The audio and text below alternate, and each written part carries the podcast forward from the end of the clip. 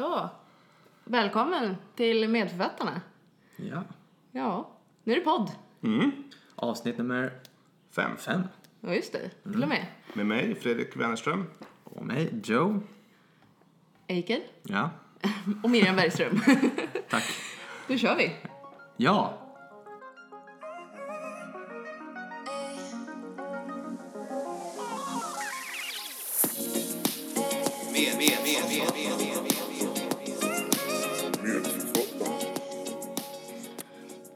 Ska vi börja med idag då, tycker ni? Ja. Ja, vi, vi kommer ju köra enligt vår gamla princip där med att vi tar en artikel som är gammal och viktig, eller ett koncept i alla fall som är gammalt och viktigt. En ny och fräsch och en lite udda och förhoppningsvis underhållande. Det andra är ju också underhållande. Ja, Vill jag. Vi försöker ju. Vi gör vårt bästa. Naturliga karisma. precis. Men vi kör väl något, något gammalt först. Ja, det kan vi börja med. Det tycker jag. Vem är det Ja. som... eh, Det är jag. Ja. Spännande. Och min eh, brasklapp är, angående artikel där, för det gamla, det är ju att jag har ju kanske inte hittat exakt en artikel, men jag har ett eh, fenomen, ett koncept, en behandling jag vill eh, prata om idag. Okej. Det betyder ju bara att du har kollat på fler artiklar. Det, betyder ju bara att du har gjort mer jobb än Ja, alla kanske. andra. Ja, men det här är ett så liksom organiskt framväxande fält så det fanns liksom inte en artikel att gå till. Men vi ska alltså prata ECT. Mm. Electroconvulsive therapy. Det är väl kul. Ja, och det är ju en eh, behandlingsform inom psykiatrin eh, som används eh, ja, egentlig depression, eh, bipolär depression, mani kan man eh, också behandla med det här, schizofreni, mer eller mindre framgångsrikt. Eh, särskilt kanske då vid katatoni, att man har använt ECT. När man är helt eh, sänkt liksom. Ja men precis, man eh, har så mycket negativa symptom av sin schizofreni att man eh, ligger helt still i princip. Man bara- kan bara förklara vad ECT är. Och det är alltså det man säkert har sett på tv många gånger. Ja. Man sätter eh, elektroder mot eh, skallen och eh, ger en stöt i hjärnan som skapar ett epileptiskt anfall egentligen. Precis. Och eh, det här som sagt har man ju sett det mycket på tv då. och eh, Har ni? ja, Senast i Homeland. Sväng. Ja, Ja, och det- Jag tror aldrig jag har sett ECT i... Ja, och i A Beautiful Media. Mind med Russell Crowe. Ja, Ja. det är sant. Ja. och det finns ju en väldigt liksom, stigmatiserad bild kring det här just för hur det porträtteras i media och liksom Men Det gäller väl hela Eh. psykiatrin kanske? Ja, men det här, mycket av liksom eh, motsättningen mot det här har liksom kunnat kokas ner till en scen i den här One Flew over, over the Cuckoo's Nest. Okej. Gökboet? Precis, finns, heter den på svenska. Och där finns det liksom eh, en scen som jag såg idag. Där han liksom eh, är helt vaken och egentligen kanske är, är lite störig där eh, på sjukhuset. Och sen så bara eh, tar de in honom på ett rum och eh, det är massa gamla män där som håller i honom och de är bara så här eh, penslar med någon lösning och stoppar en eh, så här tungskydd eh, ja, skydd i tugg. munnen och liksom bara slår på stöten och han krampar jättemycket och liksom sådär. Då kan jag nog rekommendera Homeland och säsong Ja. 7 när de ger Carrie eh, ECT-behandling. En Det- bättre skildring. Ja, men det ser me- mycket mer ut som, som det gör på riktigt. Förutom Ja. att de inte bryr sig så mycket om hennes andning. De, de struntar lite i att hon ska Ja. kanske också andas. Men eh, Men samtidigt så tycker jag den här One Flew vad sa du? På? Gökboet. Gökboet, det var mycket lättare att säga. Jag säger det istället. Gökboet är ju kanske, var ju kanske en viktig skildring för att i dess begynnelse så tog man inte så mycket hänsyn till det här med liksom eh, smärta och hur själva kramperna kändes och upplevdes, hur orolig man var. Utan det var ett tag innan det kom fram till det man har idag när allting går väldigt lugnt till. Man eh, sövs, man får inf- all information innan man eh, sövs och får muskelavslappnande då så att man inte ska krampa sönder eh, i kroppen utan det ser ganska eh, egentligen fridfullt ut alltihop och så en liten eh, liksom, vibration som går igenom kroppen på något sätt och sen vaknar man. Men hur skulle man, hur kom man på att det här var en grej man kunde göra? Tycker jag är ju en, mm, verkligen. Det känns ju som att någonting som någon ondskefull människa ville testa för att ja, det, Ja, det, det- det, det känns lite som lobotomi. Mm. Ja, det har Vad lite kan- en sån stämpel. Ja, lite, lite elektricitet i hjärnan, det blir säkert... Ja men precis, och associationerna kanske går till så här elektriska stolen och sådana Ja, liksom mm. experiment man har hållit på med. Men det här var ju känt att till och med redan de gamla romarna går vi tillbaka till återigen.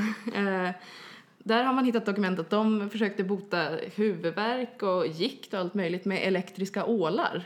Att det var liksom kunde hjälpa med eh, så. Och Benjamin Franklin rapporterade 1752 att han eh, bevittnade att hur man med hjälp av en elek- elektrisk maskin kunde då bota en eh, kvinna med eh, hysterical tics eller något sånt där.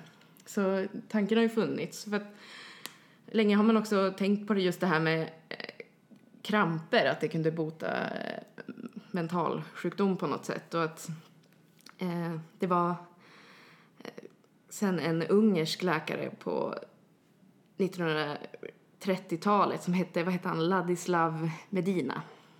Eller Meduna. Ja, Det låter lite ondskefullt igen. ja Ladislav. Ungen på 30-talet. ja. Eh, ja. Men han kunde verkligen se en eh, invers relation just mellan eh, epilepsi, kramper och eh, schizofreni eh, på något sätt. Mm. Återigen, källorna liksom beskriver inte så väl Nej. hur han kom fram till den inversa relationen. Men han hade till och med någon hypotes om eh, att eh, antalet stödjeställer i hjärnan ökade när man hade kramper och försvann när man hade schizofreni och sådär. Eh, Så man bibehöll balansen genom att ha ja men både, precis. både och. Ja. Och han var väl den första som kanske mer strategiskt medicinskt försökte åstadkomma det här. Och han använde då eh, kamferolja. Kamferolja. Ja. Det här känner jag igen, vad är det för något? Kamfer känns ju som... ja, men det, Kamfer, det en det, kommer, det Det tänker jag... ett band som heter Kamferdrops. kamferdrops. Jag Eller tror band och band, jag vet Men inte. kamfer- Änglarna fanns Ja. bara... Ja, just det. Är inte det man har för, i liksom gamla mm, kläder för att inte malarna ska... Ja, men precis. Det är någon keton som används på många sätt. Både för att liksom ge fräschör men också som ett luktsalt så, här, så att man ska vakna till. Och, men om man har, tar det i stora doser så är det då eh, ja, eh, kramporsakande. Eh, Hur- Om man tar det, hur då? Peroralt? Eller lukta på det eller? nej, men jag tror man ändå måste förtära det på något Nej, sätt. okej. Ja. Nej, men på något sätt Ja. överdosera, eller högdosera. Och han provade det på en eh, ung schizofren man och gav honom ett 60 sekunders eh, Grand Mal-anfall. Det var ju... Iskallt. Ja. Och det här var ju, just det, det här var ju då en kataton patient, så det var en person som knappt kunde röra på sig. Alltså sådär. Och efter de här, den här en minuters krampen så började han kunna vara som vem som helst. Så det här eh, registrerade han ju. Du skakar på huvudet. Ja, herregud. vilken Efter en behandling. Grej att testa. Ja, jo, men det är ju ganska läskigt att han bara Kör. körde på. Eh, men det här var inte så behagligt tror jag att inta det här comfort i den stora dosen. Så han utvecklade en annan eh, substans som hette Metrazol. Eh, som inte heller var så skön, men den var lite bättre och den kunde man ge intravenöst då, och så kunde de krampa och så försökte man behandla schizofreni med det här. Men det var inte heller så skönt att få eh, i blodet såklart. Jag vet inte hur mycket Men på de tog. vilket sätt? Är det smärta? Ja, smärta och det enda jag kunde hitta var någon beskrivning om hur patienterna sprang iväg när man erbjöd dem metrazolbehandling och då tänker jag att det var kanske inte så etiskt bra. Men nu börjar vi närma oss eh, Elektriciteten? den riktiga breakthrough. Mm. Tänk er, det är 1938. Ni befinner er i Rom. Mm. Och det finns där en psykiater som heter Ugo Serletti. Och han är, har ju väldigt, intresserat sig väldigt mycket för det här med hur kramper kan eh, bota psykisk sjukdom. Eh, Och återigen låter det ondskefullt. Dr. Seletti. i- ja, precis. 30-talet i Precis innan andra världskriget. Ja. Ja. Ja. Men eh, han började i alla fall testa då på hundar med att ge elektriska stötar istället. Han eh, hade själv lite motstridigheter för han tänkte på elektriska stolen och så här, det här ser ju inget bra ut. Men det borde kunna vara lite snällare än att ge de här jobbiga ämnena. Och han tänkte väl lite bättre som i alla fall hade något slags djurförsök. Ja, men slags, precis. eh, Ja. Sen anställde han också Lucino Bini. Som, han var inte läkare, men han hade mer koll på det här med elektronik. Och som var ju lite nytt. typ. Ja, precis. Det var även eh, Bini som föreslog att man skulle sluta ge eh, stötarna på hundarna mellan mun och rektum. Utan istället gå Bara på, bara på huvudet. För de här hundarna dog ju av att den Ja, gick genom hjärtat och de fick arytmier. Ja, okej, ja, det var ju det var ju bra. Bra tänkt, tänker jag. Ja, Kanske Eller- läkaren hade tänkt, skulle tänkt på också. Mm. bra Ja. gjort av Bini. Mycket bra. Tack Bini. Ja, jag, Ja. jag lyfter hellre fram den delen, att Ja. någon ändå kom på det, än att de... Är det verkligen det mest naturliga? Ja. Nej. Det, det var liksom Ja, men tan- så tanken att nu ska vi ge någon en stöt. Head to tail. Ja, Ja, precis. Hela kroppen. Men det är klart, nu vet vi. ja det är Det är lätt. lätt att sitta här och vara eh, efterklok. Ja, precis. Och sen gick de vidare från hundarna till grisar och såg att det tolereras ändå ganska väl av de här grisarna. Det var ju svårt att mäta liksom förbättring i psykisk sjukdom hos djuren så det var ändå ja, förr eller vidare. Så för att ta det vidare så var man tvungen att testa på en människa. Ja. Och det gjorde de.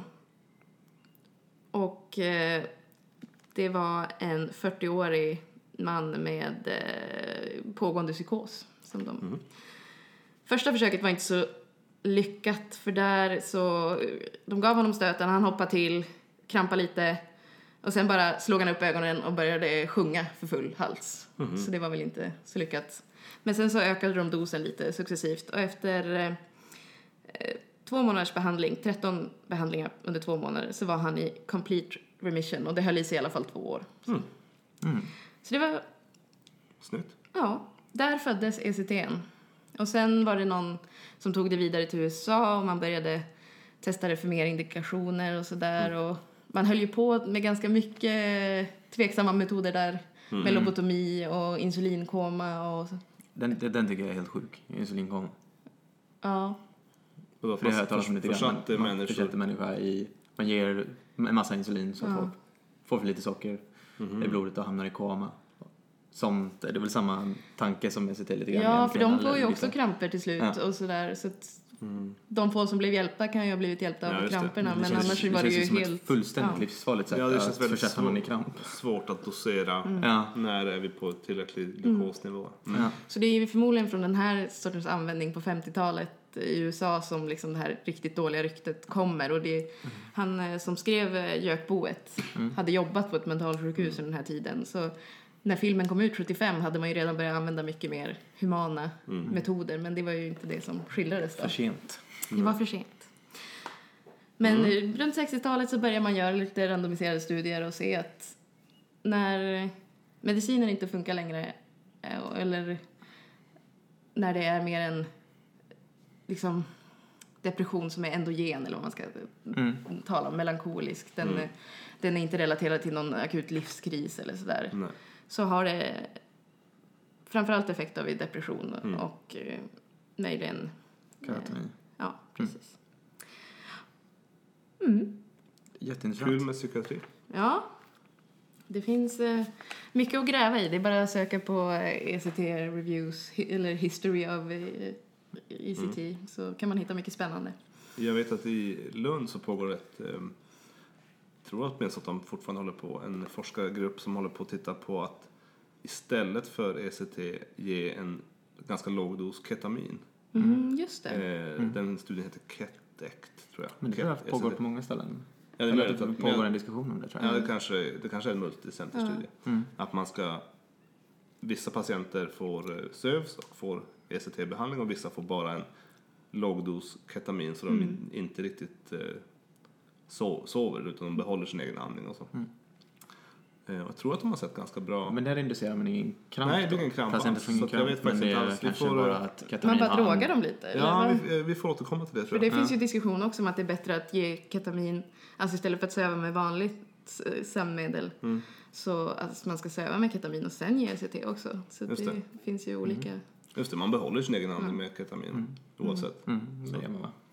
Nej, nej, det är blodtrycket man behåller. Ja. Just Precis, det, blodtrycket ja. Man behåller sitt blodtryck. Och sen är det ju... Bra. Andningen försvinner. Ja, men, det, men de ger så låg dos att man, man, man ligger ganska länge tror jag. i. Okej. Men vi får återkomma till det Ja. någon annan gång.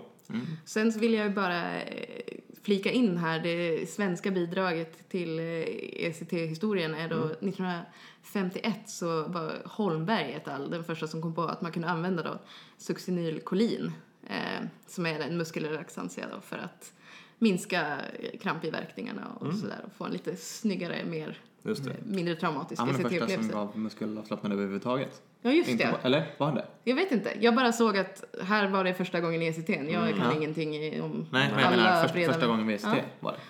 Så där kan vi vara... Så slipper man ha träningsvärk dagen efter liksom. Precis. Bra. ja. Okej, tack för det.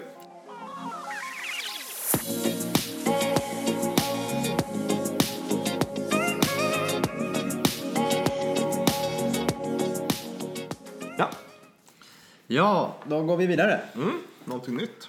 Någonting nytt. Mm. Då eh, ska jag komma med någonting nytt här. Revolutionera mig, tack. Ja, men det tror jag eh, att vi kommer göra. Oj. Eh, det här är lite på samma tema som förra avsnittet. När vi pratade om genterapi lite grann. Eh, Karl T. Men det var en CAR-T. immunogen terapi i och för sig. Ja, Cancerbehandling. Av... men det var ändå genterapi. Ja, Ja, Ja. just det. Mm. Och vi går vidare på det spåret. okej. Eh, som Genterapipodden som vi kommer heta till avsnitt 6. eh, ja, och eh, lite bakgrund till genterapi. Själva konceptet myntades 1972 för första gången att någon kom på att man kanske skulle kunna liksom, teoretiskt sett kunna ändra om gener Mm. eh, för att bota vissa sjukdomar.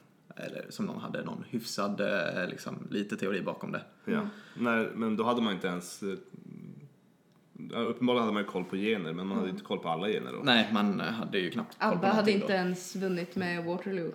Nej, Nej, Så att det... var en sån sak. det var, viktigt, Det var det, var ett viktigt framsteg Ja. för genterapin, Waterloo. Mm. Ehm, och, eh, men det fortsatte ju vara då experimentellt fram till eh, ganska nyligen, ungefär 2014. Det är nu man har börjat se ehm, stora framsteg inom genterapin. Eh, och Tack vare det här eller? tack vare... Nej, jag börjar tänka på... Nej, vi får se. Jag tänker på CRISPR. Nej, jag, tänk, Nej. jag tänker inte prata så mycket om det faktiskt, men jag, jag återkommer till det lite Okej. grann. Mm. Ehm, och, eh, men det jag ska prata om idag är eh, beta-talassemi. Mm, nu ska vi se. Det här är någon hematologisk sjukdom. Ja, precis. En blodsjukdom. Ärftlig, som ger blodbrist, eller? Ja, Ja. Jag precis. tänker på... Är det barn eller vuxna? Barn i som andra Man länder än Sverige. det, så, precis. Det är vanligast i Typ Afrika, Nordafrika och Mellanöstern. Ja.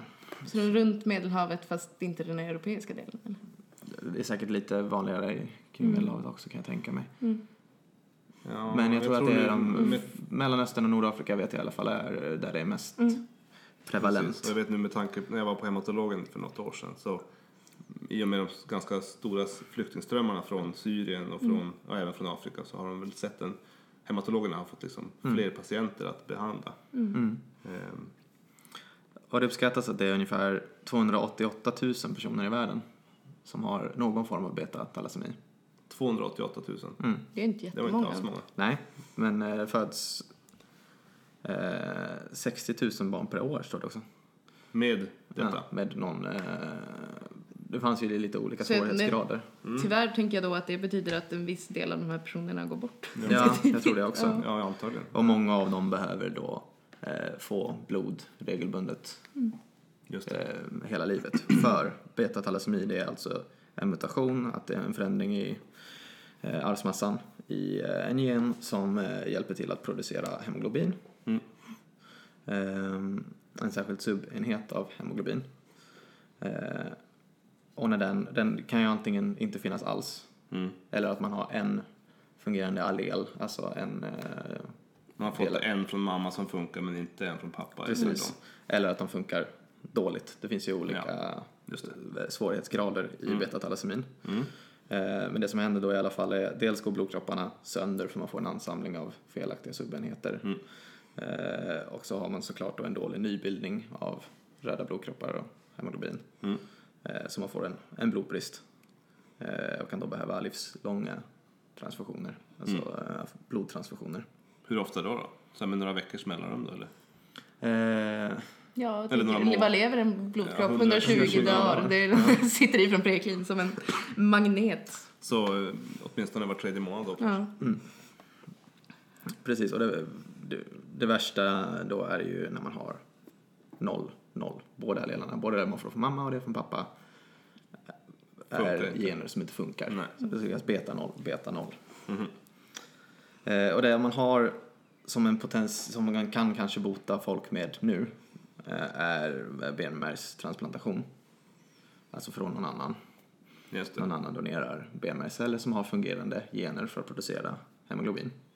Just det. Då slår man ut den patientens benmärg helt och hållet. Och sen fyller man på. Ja, men det innebär det har ju ganska stora risker den behandlingen. Mm. Man kan ju reagera på att man får en annans benmärg Mm.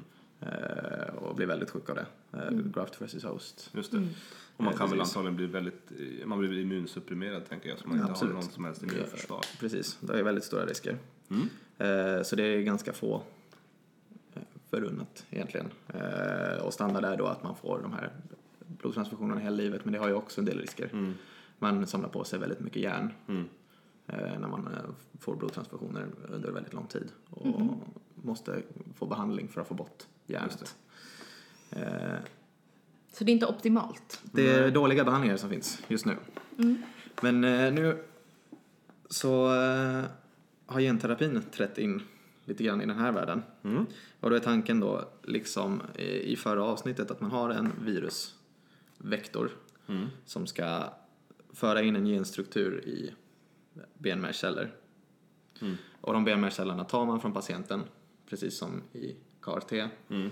Eh, och så ger man de här benmärgscellerna den här virusvektorn Mm. som sätter in rätt gen i de här cellerna. Sen ger man tillbaka patienten sina egna benmärgsceller med den nya genen. Måste man då ta bort, ta ut, eh, fixa till den, döda allt det gamla? Ja, de har gjort det lite grann. De har gett eh, eh, en eh, kort cytostatikakur för att eh, dämpa benmärgen. Ja, okej. Så ger de nya en chans att liksom... Ja, precis. Men det är inte lika, som jag förstår det, är det inte lika omfattande eh, suppression av benmärgen. Nej, utan okej. Man bara liksom, Det är lite fortsatt så här, pimp my benmärgscell. ja. Pimp my benmärgscell. Ja, kan vi starta det programmet? Slog kanske inte lika hårt som Pimp my ride. Eh, och den här artikeln heter Gene Therapy in Patients with Transfusion Dependent Beta Thalassemia. Eh, och publicerades i New England Journal of Medicine 18 april i år. Oj. Så den är Nice. väldigt ny och fräsch. Eh, och de rapporterar från två, eh, två kliniska studier egentligen, men eh, vi slår ihop dem för enkelhet, enkelhetens skull. Det, Ja, de var väldigt man kan bara hantera så mycket. de var väldigt lika. Och det var två kliniska studier som var eh, på center i USA, Australien, Thailand och Paris.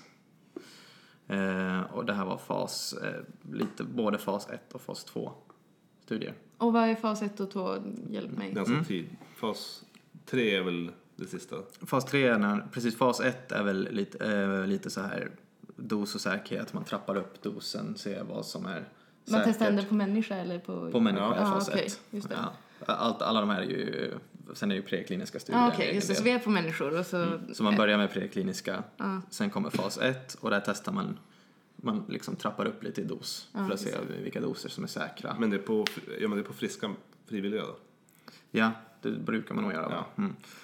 Eh, och fas 2 börjar man då med en terapeutisk dos Okej, eh, och se om det finns någon effekt överhuvudtaget. just det. Men de är ganska små. Ja, Eh, så det, det är mer av en pilotstudie. Men då är det ju på sjuka Ja, personer. ja precis. Och då ser man lite, finns det någon effekt överhuvudtaget? Och sen fas 3 så tittar man i ett större material. Vad är effekten egentligen? Bra att sortera ut det känner jag. Ja, Man bara- och sen fas 4 är ju långtidsuppföljning när preparatet finns. Just det, för fas 3 det är det sista steget. Sen kan man släppa det på marknaden. Precis, Grymt! ungefär så. Och de här grupperna blir väl större och större? Först Ja. är det kanske 100 patienter, Precis. sen 1000 och sen... Så det här var ju lite på pilotstadiet. Okej.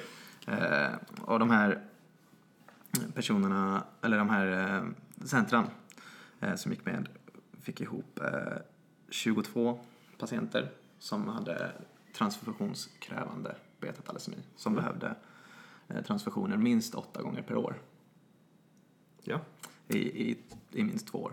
Så de hade, okej. De var sjuka. De var sjuka, ja. Och det, de tog inte hänsyn till, de hade båda de som hade det här beta 0, beta 0 och de som hade andra typer. Det räckte bara att de var transfusions, att de behövde så Ja. många transfusioner. Kliniken fick styra som man säger.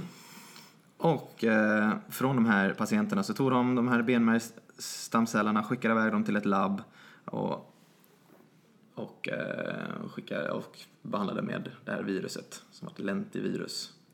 Och satte in en frisk beta-gen då. Precis. Precis.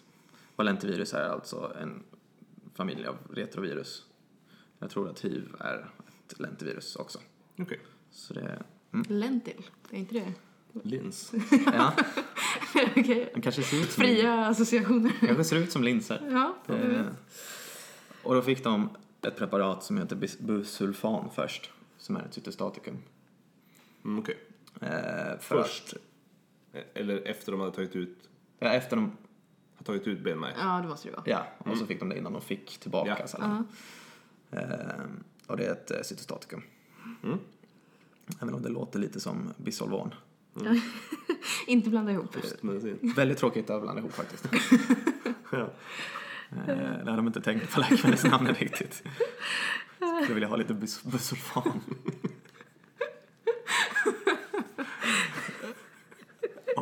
Hoppas att apotekarna skulle, skulle förstå eh, att man menar bisolvan. Ja, Hostan skulle bli ens minsta problem i alla fall. Ja. ja. Skönt.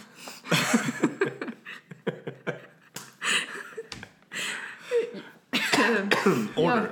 Ja, och eh, de här eh, patienterna, 22 patienter fick den här behandlingen. Och det var 13 patienter som inte hade beta-0, beta-0 utan någon annan variant. Alltså de hade någon slags eh, del av genomet som faktiskt kunde producera eh, hemoglobin, eller sub, de här subenheterna till hemoglobin. Eh, och av de 13 patienterna eh, så slutade 12 av dem med transfusioner. De följdes upp i eh, mediantid 26 månader. Och då Men höll de följdes upp ända upp till tre år. HB-nivåer. Ja. Och då fick de precis, median HB var 112 gram per liter. Det är bra. Det är fullt acceptabelt. Det är inte perfekt, men Nej, det är okej. men, Nej. Jag menar, med tanke på att de behövde eh, Transfusioner transfusioner för. för. Ja. Ehm, och man kunde se också att eh, det, fann, det fanns någon slags tagg. Nu låtsas jag mig inte förstå mig på det här. Men man kunde se vilket hemoglobin som var producerat med, alltså med hjälp av vektor-DNA. Jaha. Hur kunde man se det? Alltså när man tog ut det? Ja, på något sätt. De hade väl någon slags analys som kunde se att det här HB eh, har vi hjälpt till med, med eh, vårt virus här. Men då fortsatte kroppen att producera även dåligt HB? Ja, alltså de här eh, som hade någon eh, fungerande gen antar jag fortsatte. Okej, så man bytte inte ut genen helt och hållet utan man lägger till en extra typ? Det tror jag. Ja. Hur gick det för dem eh, utan ombrana? Jag ska bara säga här att ja, men, när man jag tittade på det här... nyfiken. eh, Ja, jag kommer till det. Ehm, när man tittade på eh, det här HB som hade producerats av eh, virusvektorn så var det ändå liksom en eh, dosberoende eh, kurva. Man fick mer HB om det var fler vektorer i dosen. Så ju fler virus man hade i dosen som patienten fick, Ja. för de hade lite varierande doser Okej, eftersom det var en fas 1, testa lite olika doser. okej. Så de som hade fler virus i eh, läkemedlet Mm. fick liksom mer HB. Så det finns en liksom dosberoende. Så mer är bättre.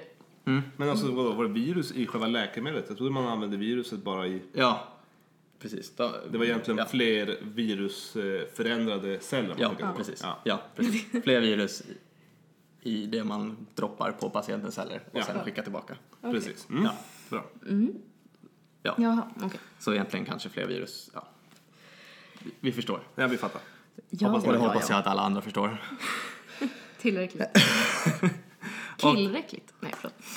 Och de här patienterna som inte hade någon fungerande eh, gen. Åh, Beta 0, beta 0. Sämst. Stackarna. Ja.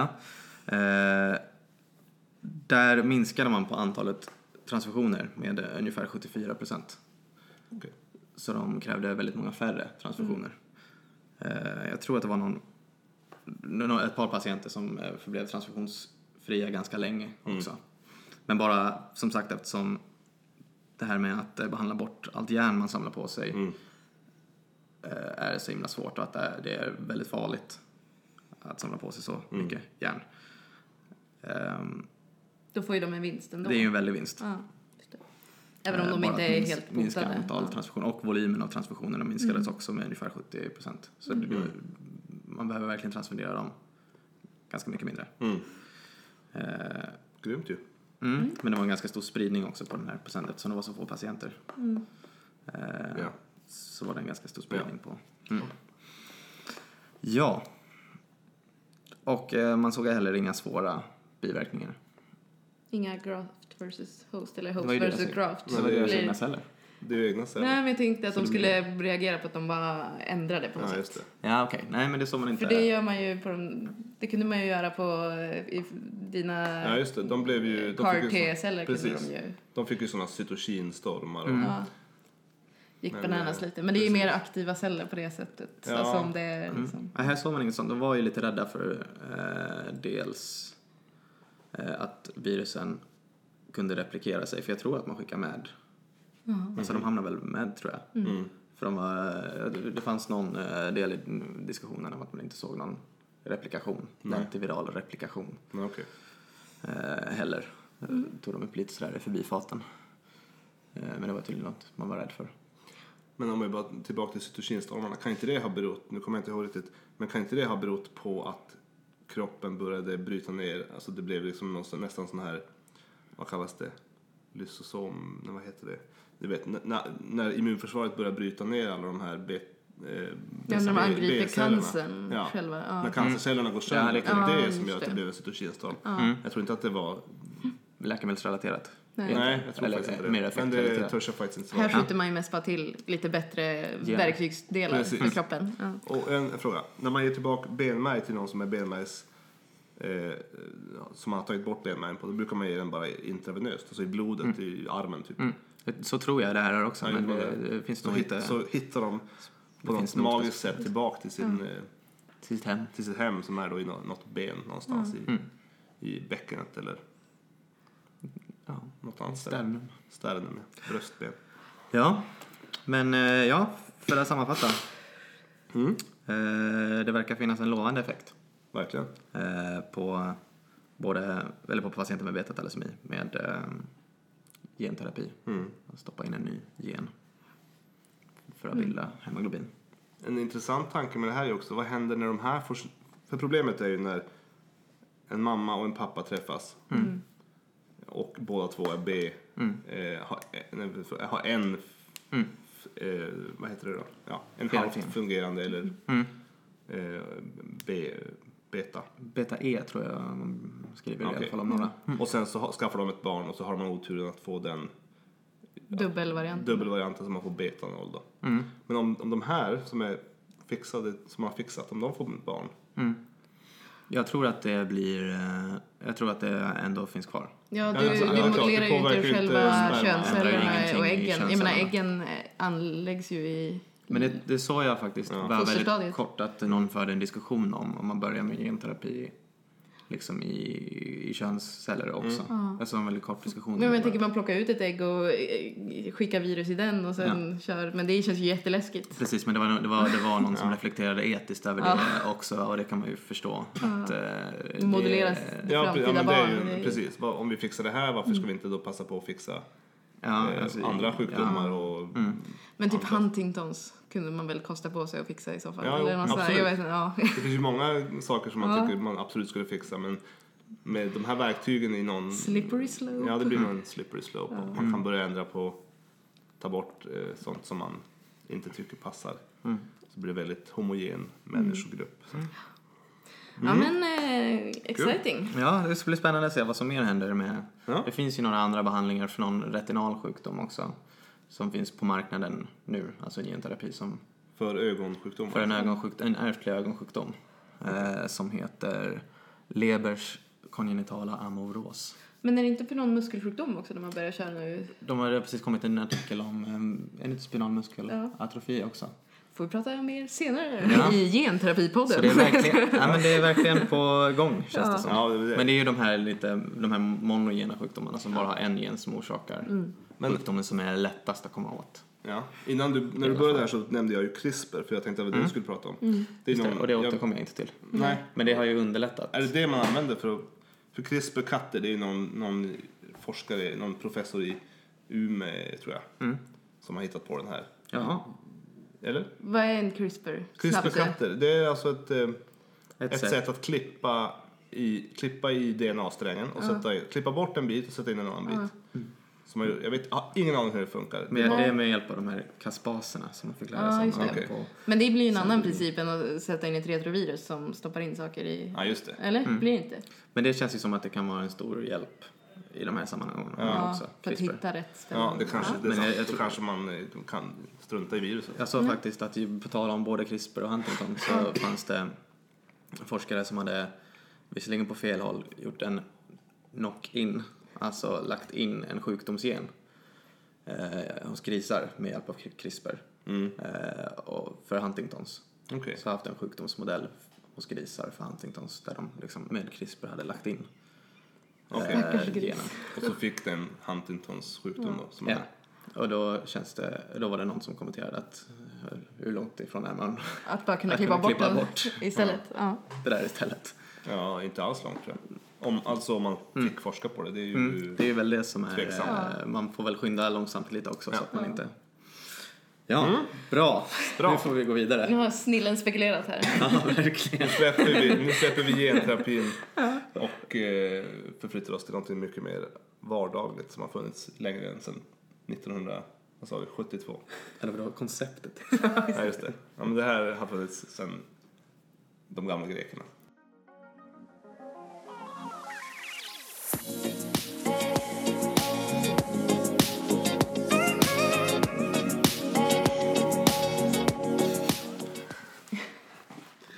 Ja, då tänkte jag prata om eh, kaffe. Ja. Hur, eh, ni är ju doktorer. Dricker ni kaffe? ja. Oh ja. Mm. Hur, eh, hur många koppar per, per arbetsdag? Men nu har jag ju forskningstid så det är fusk. Men Ja. fem. Dricker du mer när du forskar eller? Ja. Okej. Ja. För du är fri att gå ifrån och hämta när du vill. ja, precis. Fem koppar om Ja. dagen. okej. Ja, men jag, vad ska vi säga, att jag snittar kanske tre då. Ibland mer, ibland mindre beroende på hur många naturliga pauser man har eller handledare som är schyssta och erbjuder. Just det. Men, eh, jag och Joe jobbar ju i Lund och där får vi kaffe gratis. Hur är det på Karolinska? Jo, men där får vi kaffe gratis eh, på de flesta ställen. Jag vet att på eh, patologen så var de väldigt sura om vi gick och tog kaffe. Då fick vi en utskällning. Men annars så är det Okej. Fri tillgång. Inte kanske om man inte är placerad någonstans, om man bara har föreläsningar. Nej, nej, nej. Men vi tänker om man jobbar som... I den här studien så är det läkare eh, Ja, som just det. Så om man är i klinisk verksamhet, absolut. Precis. Kandidaterna, de, de har vi inte med här. Nej. Så det här är en, eh, en studie ifrån British Medical Journal.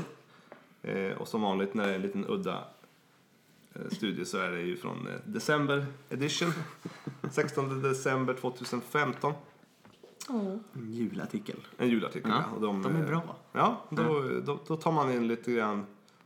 Jag läste vad de skrev i British Medical Journal. De sa att vi vill ha artiklar som vi i vanliga fall inte har utrymme för. Eller något Mm. sånt. Så det, det behöver inte vara bara liksom trams och skoj. nej. Nej, utan men det är sånt som de tycker ändå är värt att ta upp men inte har fått få plats i.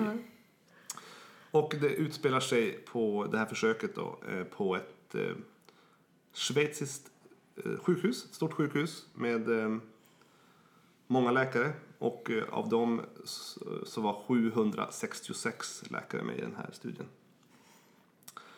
Och det är allt ifrån eh, junior doctors, alltså underläkare och icke-specialister. Så jag vet inte om de har någon sorts AT i, i Schweiz, det vet jag inte. De delas upp i alla fall i junior doctors, specialister, seniora specialister och klinikchefer. Av de här var drygt hälften män, 425 stycken, och 341 kvinnor. Och de kommer från alla specialiteter inom sjukhuset, inom läkaryrket. En till studie på läkare, det är alltid lika spännande. Precis, och man ville, man ville väl testa egentligen om eh, det fanns någon skillnad i ka- kaffekonsumtion på de olika specialiteterna. Och eh, har ni någon, eh, vem, har ni någon Fördom. uppfattning? Har ni någon fördom? Vem tror, vilka specialiteter tror ni dricker mycket eller lite kaffe? Jag tänker ju ändå att eh, inom medicin att man har mer tid att gå och ta en kaffekopp. Än om Inom du står... internmedicin? Ja men för om du står i Alltså, en operationssal kan du inte gå och ta kaffe. Nej. I och för sig kanske du hinkar innan du är på väg in då, eller om du har jour eller någonting. Jag, Om du har mottagning. jag tänker anestesi. Att de dricker, Ja. De måste ju dricka så jävla mycket kaffe. ja, de har mycket dödtid ja. Ja men in ut en kaffe Mm. till nästa. In ut så- en kaffe, Ja. ja. en kaffe efter varje Ja, jag vet. För varje sövning. Mm, intressant. Eh, De har i alla fall, på det här sjukhuset så hade de, till skillnad från i, på svenska sjukhus då, i alla fall de två som vi vet, så hade de inte gratis kaffe utan de fick köpa sitt kaffe. Men de köpte det med ett, sitt liksom, passerkort på något sätt. För då fick de väldigt bra rabatt. Så då, Okej. då antog, har man väl antagit att allt kaffe de har druckit det har de köpt med det här kortet. Just det. Och det får inte vara för dyrt heller, då skulle ju junior doctors bli Nej, precis. Nej, de fick 45 procents rabatt. Ja, jag vet faktiskt inte vad kaffet kostar. Men man kunde välja allt emellan eh, liksom kaffe latte eller cappuccino och Mm. kaffe crème och espresso. och så. Oj, har de tittat på skillnaden Ja, mellan specialiteter där också? ja, ja, ja, åtminstone mellan män och kvinnor. Ja, okej. Ja, och så under det här året, av de här 766 läkarna, så var det 84 procent som köpte minst en kaffe på, på ett år. Okej. En Det kaffe om dagen? Nej, eller? en kaffe, alltså som, köp, som, som köpte kaffe alls. Oj. Det är få. Och- 16 procent köpte ingen kaffe. Vad gör de i Schweiz? Det är få som, nej men de dricker väl te? Men det är 16 procent. Som är renlevnadsmänniskor. Ja, Jag vet inte. Det kan det vara, mycket väl. Ja, ja, Det är ju inte, alltså det är Schweiz, det är inte Sverige eller Finland som Nej, dricker men jag, mest tänk, jag kaffe i tänker världen. om man skulle tagit ett svenskt sjukhus så tror jag Ja. man väljer en på 10. Alltså, ja, ja men det är ju ganska så. nära. Ja. Det är ganska nära Ehm, på 10. Och man hittar faktiskt signifikanta skillnader eller associationer mellan specialiteter och kaffeinköp. Man får ju anta ganska mycket. Man får ju anta att den som köper kaffet också dricker det. Ja, just det. Mm. Ehm, och ehm, sen så tittar man även på de som köpte mer än en kaffe. Då antog man att de köpte en så kallad runda. Just Så om det. de köpte två Mm. eller fler då var det en runda. Då drack de en själv och så, och så gav Ja, just de det, bort vi- dem. om de köpte vid ett tillfälle, ja. Mm. Precis. Och eh, de som drack mest av, av alla var faktiskt ortopederna. Jaha. De drack i snitt 189 koppar per år. Ortopederna. Den så- känns väldigt oväntat Ja. tycker jag. Ja. Fruktansvärt. Ja. Men i alla fall 189 koppar per år, det låter ganska lite tycker jag. Ja. Men då är det utslaget på alla ortopeder som inte drack också? Eller? Nej, ja, nej, Ja, okej, av alla de som köpte överhuvudtaget. nej det måste ju varit, ja precis. Mm. Och eh, som köpte minst en då alltså. Ursäkta. Och eh, näst mest köpte faktiskt radiologerna. Det kan man nästan förstå när de Ja, ja, sitter men där de sitter... i mörkret och tittar på bilder, så röntgenläkare. Jag blev till och med bjuden på en Pressbyrån-kaffe när jag var på radiologjour. Så att de, är, Ja, du ser. de bara kör. Eh, och allmänkirurgerna var på tredje plats. 167 koppar per år. Teorier går bara i sank här känns det som. Ja, Vad sa du? Vadå, teorier går bara i sank här en efter en? Precis. Internmedicinarna var... De låg på betydligt mindre. Jaha. Runt, eh, jag kommer inte ihåg vad det var, men de var, de var inte i närheten av så många. nej men jag tror att det här är väldigt olika klimat i Schweiz och Sverige. Det måste vara helt olika. Och eh, intressant nog så anestesiologerna drack minst av alla. Nej. Men där var de tvungna att gå iväg och köpa. Jag tror att det, Precis. gör, Ja, det, hinner du mycket. inte på din lilla tittare emellan. Men precis. om det står precis eh, Att- att- dörren bredvid då... Att skrubba in och ut eller liksom ta av sig operationskläderna för att gå in och ut. Och Nej. nu är inte de så rena som kirurgerna men det blir ju ändå Men det spelar ju ingen roll för ortopederna uppenbarligen. De eh, Nej. körde på. Ortopederna är ju inte alltid på Nej. Operation. Det är ju för sig inte anestesiologerna, alltså narkosläkarna heller, men de flesta är kanske Ja, på. oj.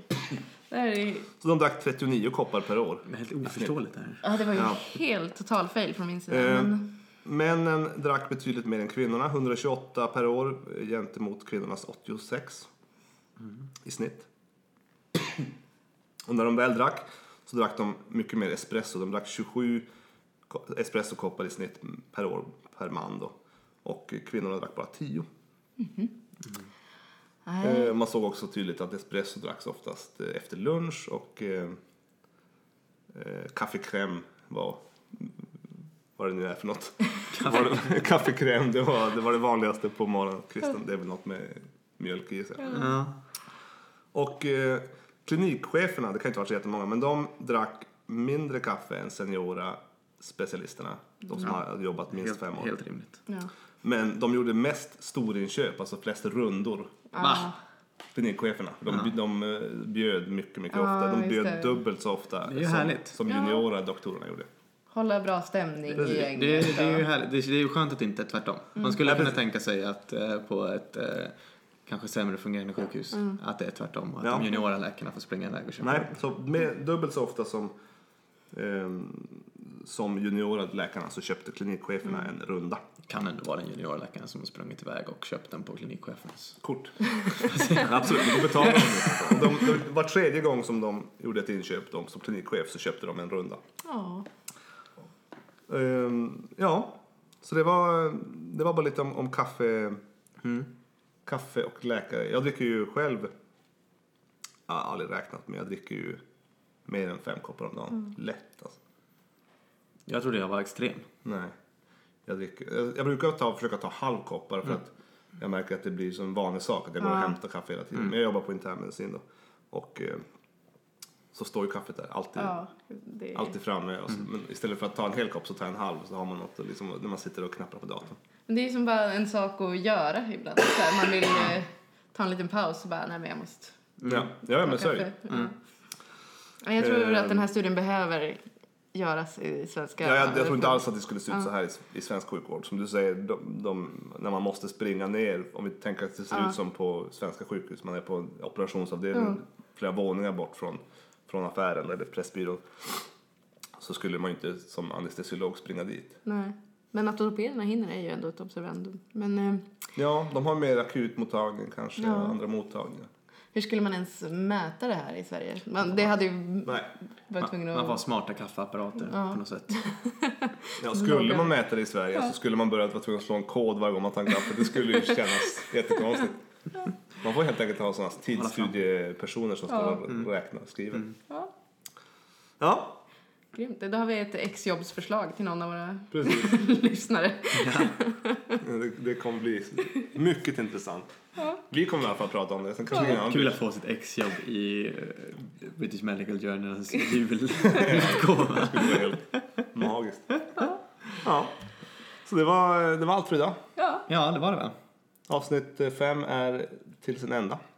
Ska vi säga något om att vi har en Facebook-sida kanske? Vi har en Facebook-sida som heter, eh, jag tror den heter facebook.com snedstreck medförfattarna. Eller Eller bara så söker söka? man på medförfattarna på Ja, Facebook. det kan man göra. Eh, och där lägger vi upp eh, länkar till alla artiklar som vi pratar om. Mm. Och länkar till avsnitten finns där också. Mm. Jag tänkte att vi skulle kunna lyckas undvika Facebook, men det är svårt. Det är en sån väldigt bra hubb liksom. Ja, Eh, absolut. Men allt roligt eh, lägger vi väl upp på Instagram och eh, Twitter. Ja, där är vi nog lite Där- roligare. Ja. Och ni får hemskt gärna kontakta, kontakta oss på medförfattarna på Twitter och Instagram och medförfattarna at gmail.com om ni vill mejla oss. Och ni får mejla vad ni vill och skriva vad ni vill på Twitter. Vi älskar feedback. Och precis. Och betygsätt podden i poddapparna och gilla det vi skriver på Twitter som Sarah Dawn Finer har gjort. Ja, Just det, det jag skrev om Dawn-studien. Ja, Ja. jag försökte hinta lite. kör en Och första- sh- shout-out till Sarah Dawn Finer då. Ja, vår första kändislike. Inte sista. Nej. Nej. Ja, tack för att ni lyssnade. Vi eh, hörs. Yes, ha det gott! Hej!